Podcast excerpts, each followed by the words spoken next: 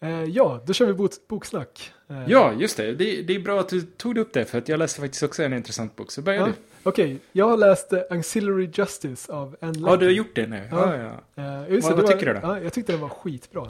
Ja. Jag tyckte den var, det, den var så bra så att jag köpte nästa bok direkt efter att jag läst den första och började läsa den direkt. Så nej, jag är sjukt imponerad. Är, om jag har förstått rätt så är det hennes första bok. Ja det, och det är det som är så vansinnigt. Ja, för att den- är ju liksom välskriven så det hade kunnat vara eh, liksom Alistair Reynolds som har skrivit den. Det är lite Ja. samma känsla och det är samma kvalitet skulle jag säga på, på Ja. författandet. Så Mm. jag är fantastiskt imponerad. Och eh, jag tycker hela upplägget är så fascinerande eh, med eh, de här skepps-AIn som, eh, som är im- implanterade i man kan säga så här, det är ett stort rymdimperium som eh, sprider sig genom att eh, fånga, ta över olika planeter och eh, fånga in eh, invånare där och sen plantera in AI i deras hjärnor istället för deras vanliga personligheter. Så att de blir en del av någon slags stor Borgmind som är då personalen på rymdskepp. Eh, Där rymdskeppet är en del av det här Borgmindet också. Så att hela rymdskeppet och all personal på det är en del av ett enda medvetande. Ehm, Sen eh, storyn är att det, det tillfaller lite komplikationer i den här situationen där det här medvetandet börjar få andra tankar än att den bara ska flyga runt och skjuta på saker och ta över. Men, eh, ehm, Det är väl den också som gör intressanta saker med eh, kön. Eh, ja, alltså jag, har, jag läste liksom, eller ja, jag såg lite om det innan och att det skulle, det var en stor grej liksom som folk pratade om. Men jag tyckte inte att det var en så stor grej. Alltså jag hade inga, den gör ju så att i, i det här liksom, rymdimperiet så en, en del av språket där är att de inte har kön, köns eh, assignment i språket. Så att eh, den här AI har svårt för att bestämma sig för om någon är en han eller en hon och kallar Ja, alla okej. för hon hela tiden. ah, Ehm, Och det är vissa karaktärer som eftersom man bara ser dem ur den här AIns perspektiv så får man aldrig riktigt klarhet i om det är en han eller en hon. Nej, nej. Men det spelar egentligen ingen roll heller så att jag, jag förstår inte riktigt varför det, alltså, det vart en så stor... nej. Nej, det är väl det här med att man, man gör någonting som kanske inte är eh, det som folk förväntar sig. Ja, Eh, det är väl det det handlar om igen. Och jag menar, du och jag är ju inte sådana personer som kanske har så svårt att tänka i- ett icke... Alltså jag menar, vi har ju båda väldigt länge mm, pratat om just det här med att man inte, inte ska ha så mycket könsfokus. Men jag tror nog Mm. att det är fortfarande en sån sak som, som väldigt många inte är vana vid. ja. Eh, och det är väl därför det har blivit en stor grej. ja alltså jag skulle väl också säga, min fru är från Hongkong och i Mm. kinesiskan så har man inte könsartiklar. Eh, Nej. Så att eh, hon och hennes bekanta blandar ihop han och hon hela tiden när de pratar engelska. Okej. Så att jag är ju ganska van Det är vid det. fascinerande. ja, men det, det är verkligen fascinerande hur sådana där saker är olika i olika kulturer. Ja. Och att det har blivit sånt, att, att på svenska så har vi sånt stort fokus på det. Ja, precis. Och det är så djupt rotat i språket också. Det, Mm, ja. mm, absolut. Ja men allting styrs ju det, ändelse på ord och mm, massor med sådana eh, olika hur man uttalar och sånt är ju styrda av vad vi har för, satt för kön på ett ord. Ja, ja, precis. Eh, och en grej, alltså det behöver ju inte ens vara en person, ju, allt är, ju- har ju ett kön. Ja. Liksom. Det är så, ja, precis. Det som är på svenska är att det inte finns någon logik i det. Det är väl det som gör att det, det fungerar ganska bra. För att, he, liksom, de svenska språkreglerna har liksom tappat all betydelse. De, har- de har ingen koppling till någon slags verklighet. Så det, det gör det lite lättare att se förbi det också. Men eh, ja. Ja. Jag har läst en bok. Eh, Peter F. Hamilton släppte en ny bok Ah, eh, härom, härom veckan. Jag har kommit hälften in i den boken ungefär. mm, Eh, och han gör ju alltid kvalitativ hard science fiction med väldigt måga sidor. Ehm, är det en helt och, ny fristående bok eller är det en del av en serie? Nej, det, det är tillbaka till hans eh, Commonwealth-trilogi. Ja, okej. Eh, och bygger vidare efter där Void-trilogin slutar. Mm. Eh, men eh, har ett helt annat... I, än så länge så... eh, Det man, alltså för att de här, Peter skrev ju typiskt sådana böcker som man inte riktigt är säker på vad som händer alltid, utan man får ju lista ut det själv lite grann. Det är ju hans stil att skriva på väldigt mycket, att det är inte förklarat för dig. Mm. Men som jag förstår det här så är det här en parallell historia till egentligen det som händer i Void-trilogin. Ja, just det. Eh, Så att eh, det är än så länge väldigt fascinerande och eh, har nog en av de ruskigaste första kapitlen jag någonsin har läst i hans böcker. Som med kannibalism och att en person slår ihjäl sig själv i en annan tid. Ja, Ja, jag det ska- låter som, vad heter den filmen med, med Bruce Willis och där han reser tillbaka i, tiden och ska skjuta sig själv.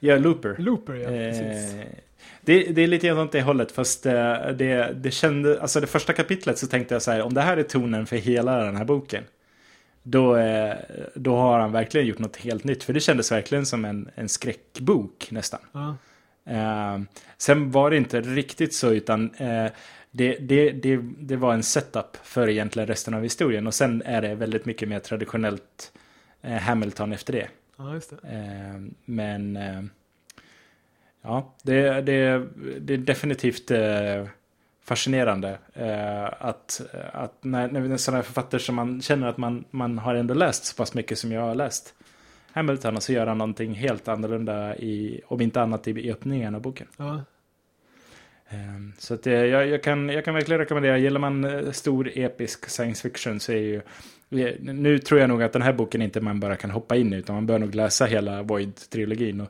innan man läst hela Void-trilogin så borde man ju ha läst hela första trilogin. Så man har ganska mycket böcker, så det är väl kanske inte så hjälpsamt vid den, den synvinkeln. ja. ja apropå eh, så här, författare som man har läst alla böcker av som skriver sci-fi. Eh, Neil Stevenson har precis berättat att han ska skriva en ny bok. ja. Um, jag, jag vet, du har väl inte riktigt fastnat för Neil Stevenson lika mycket som jag? Alltså, nej, så här kan jag väl säga om Stevenson. Alltså, jag har ju läst några av hans böcker som är rena mästerverk. Alltså, eh, jag har, alltså, Snow Crash och Neuromancer är ju böcker som Eh, Cryptonomicon tror jag jag tänker. Cryptonomicon, ja. Precis. De är ju böcker som eh, är helt fantastiska. Eh, och sen har jag en av de roligaste böckerna, eller vad man ska säga, som jag har läst av honom. Det är ju ändå Reamdy.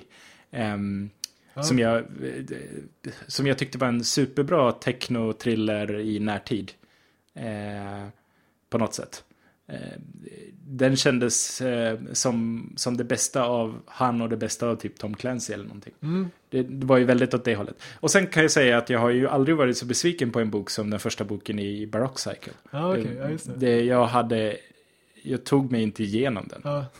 ja, det är ju Baroque Cycle som jag verkligen gillar. Det är ju Ja, jag vet, Jag verkligen fastnar för. Men, men jag tror att det var för att jag läste de andra böckerna först. Ja, Och hade den förväntningen på eh, Baroque Cycle också. Och det är ju en helt annan typ av bok. ja nej, precis. Och det är ju verkligen en tegelsten. Alltså, hela Baroque Cycle är liksom massiv och det är mycket historia. Och liksom, om man gillar Stevenson när han liksom spenderar ett helt kapitel på att prata om hur man äter sina flingor. Då, då gillar man Baroque Cycle. Liksom. Men eh, det, det är kanske inte, om man vill ha Tom Clancy, då är det inte riktigt nej, inte nej. riktigt det. Ehm, sen eh, har du läst uh, Anathem? För den kan jag tänka Nej, mig jag- att du skulle ha svårt för också.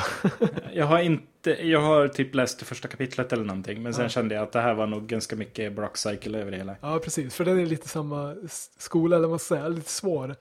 Den är så här... ehm, konceptet är lite grann att det är så långt in i framtiden att allting är helt annorlunda på något sätt. Eh, och han försöker komma ifrån så mycket science fiction tropes som man bara kan. Ja. Ehm, och det är liksom satt i ett kloster och folk pratar konstigt och så här. Men eh, jag tycker den är fantastiskt bra. Ehm, jag, hade gärna, jag skulle behövt läsa om den nu. Det var ett tag. Jag har bara läst den en gång när den precis kom ut.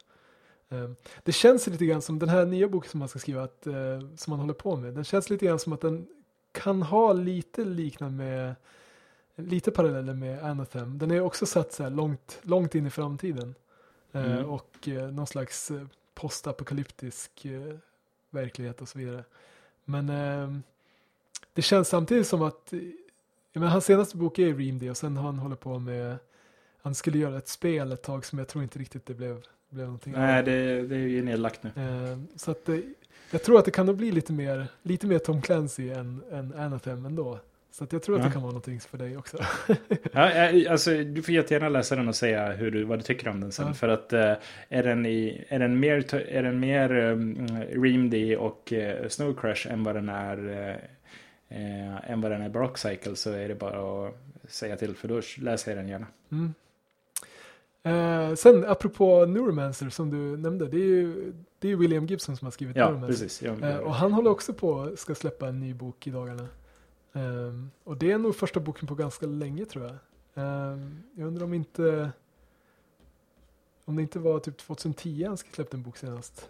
Jag har inte riktigt... eh, Den senaste jag läste av honom var i Pattern Recognition. ja, Eh, den släpptes, jag undrar om den släpptes 2003, så den är ju jättegammal då. ja. Ehm, han har en bok som heter Zero History som är släppt 2010. Jag undrar om det inte är den senaste släppta boken. Eh, och nu kommer då The Peripheral eh, och den ska släppas eh, 28 oktober. Ehm, jag vet inte, jag har inte läst, eh, jag har faktiskt inte läst William Gibson. Jag har läst liksom några så här short stories av honom. eh, för väldigt länge sedan när, när liksom cyberpunk var en, ganska nytt. Eh, men jag har inte läst någonting på väldigt länge. Ehm, precis, Johnny Mnemonic har jag läst. Och det är ju en ganska, det är ju inte en full bok vad jag, vad jag minns. Det är väl mer en, en novell, eller liksom en short story. Eh, men jag har inte läst, jag har inte läst några av hans större böcker. Jag, jag har läst, ja, Johnny Mnemonic har jag läst, så jag har läst um, Neuromancer och eh, eh, Pattern Recognition och Count Zero tror jag. Mm. Eh, han är extremt uh, ojämn, skulle jag säga. Ja, Alltså idéerna som han eh, pionjerade egentligen i Neuromancer och eh, cyberspace och alltihopa det. Det, det tycker jag, eh, det måste han bli extremt känd för. På no alltså jag menar, han, man måste erkänna det väldigt mycket, hans kulturella liksom, influens där.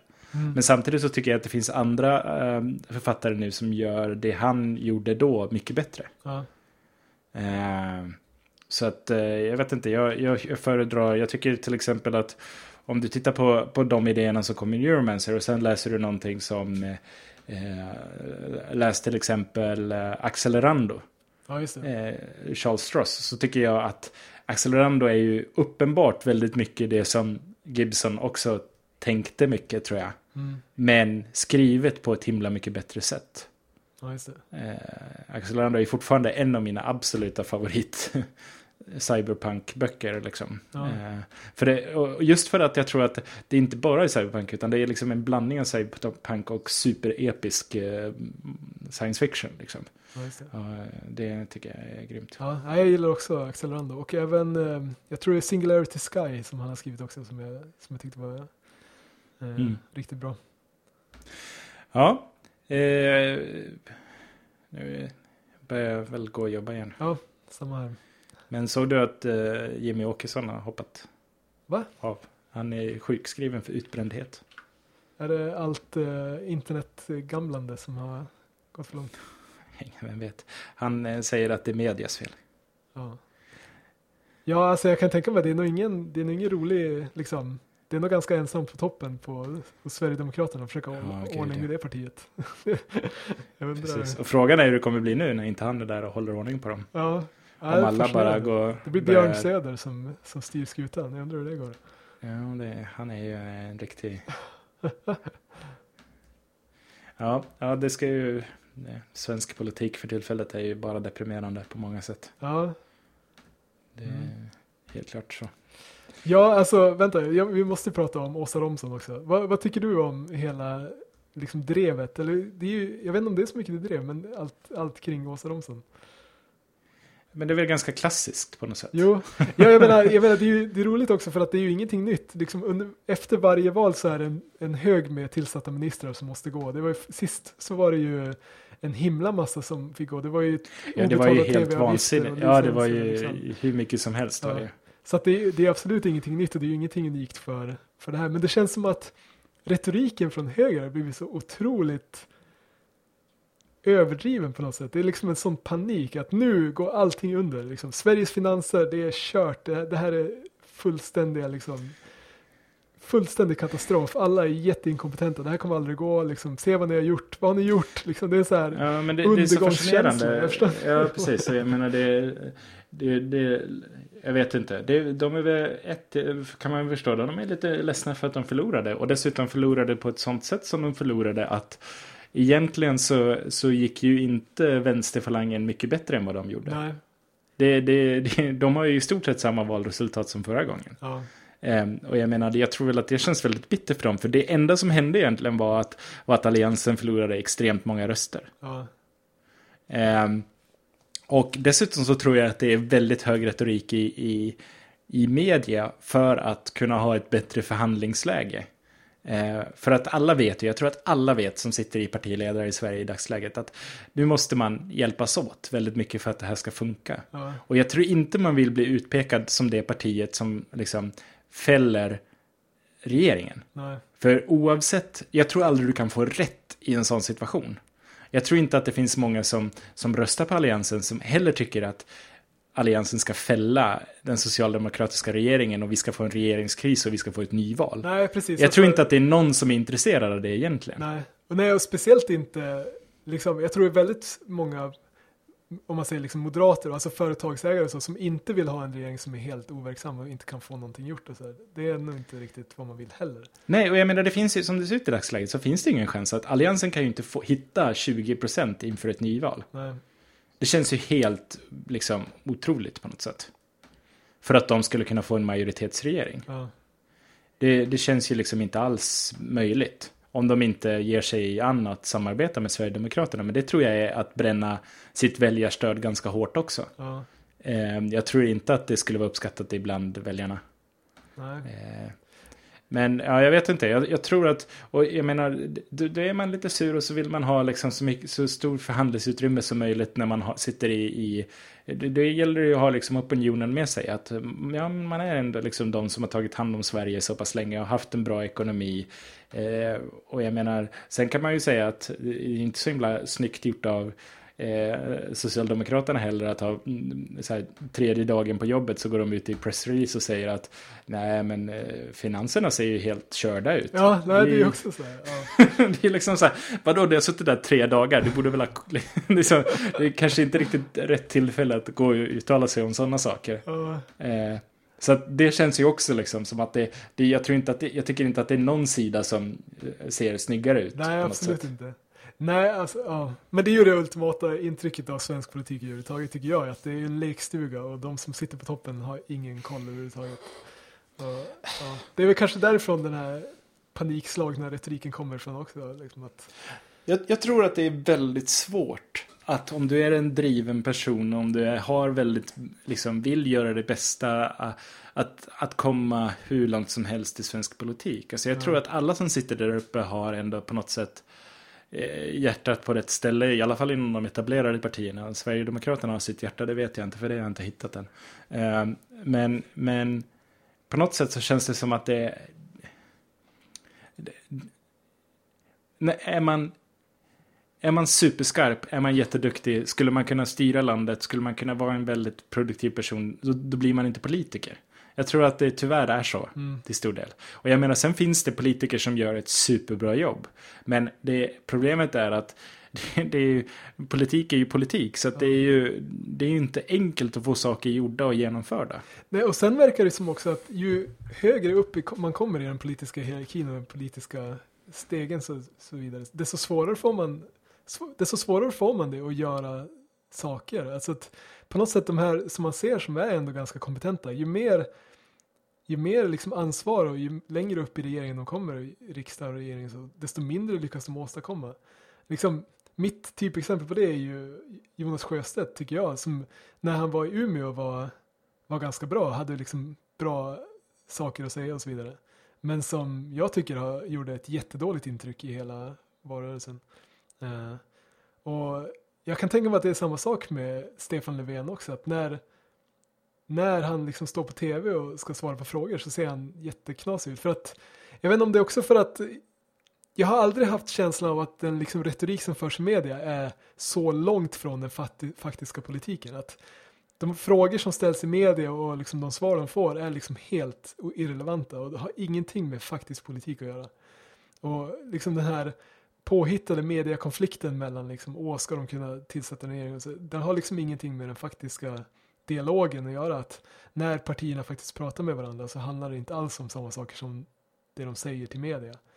Och det är ingen, ingen av dem som förväntar sig att det ska vara samma saker heller. Så att när media kommer och säger liksom, ah, vad tycker de att de säger så här? Så är det liksom en helt, en fullständigt ointressant fråga för att det är liksom inte så de pratar med varandra överhuvudtaget. Jag vet inte, det, jag vet inte om det är så att jag bara liksom har, har att jag ser på politiken på ett annat sätt, att det alltid har varit så. Jag skulle tro att det alltid har varit så, men eh, det känns extra mycket så nu. Okej, okay. ja, jo, alltså jag vet inte. Jag tycker att eh, det här är också, jag vet inte, jag pratade om det innan också, men det här är första valet som jag på något sätt har brytt mig. Ja, på samma sätt som, som jag gör nu. Eh, jag vet inte, men det är väl också för att man, man har en, eh, man har ett det, det, det, är en av de saker som ändå varit positiva. Att jag tycker att fler folk har brytt sig om politik nu än någonsin annars. Ja, så kan det ju vara. Mm. Ah, ja, jag måste tillbaka till jobbet. Japp. Vi hörs. Det gör vi. Hej.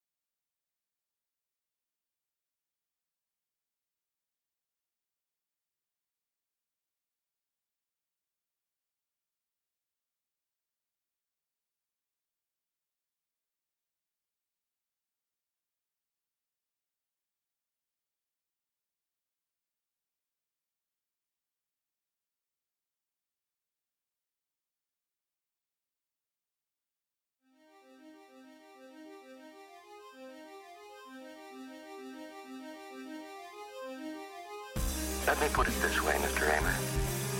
The 9000 series is the most reliable computer ever made. No 9000 computer has ever made a mistake or distorted information.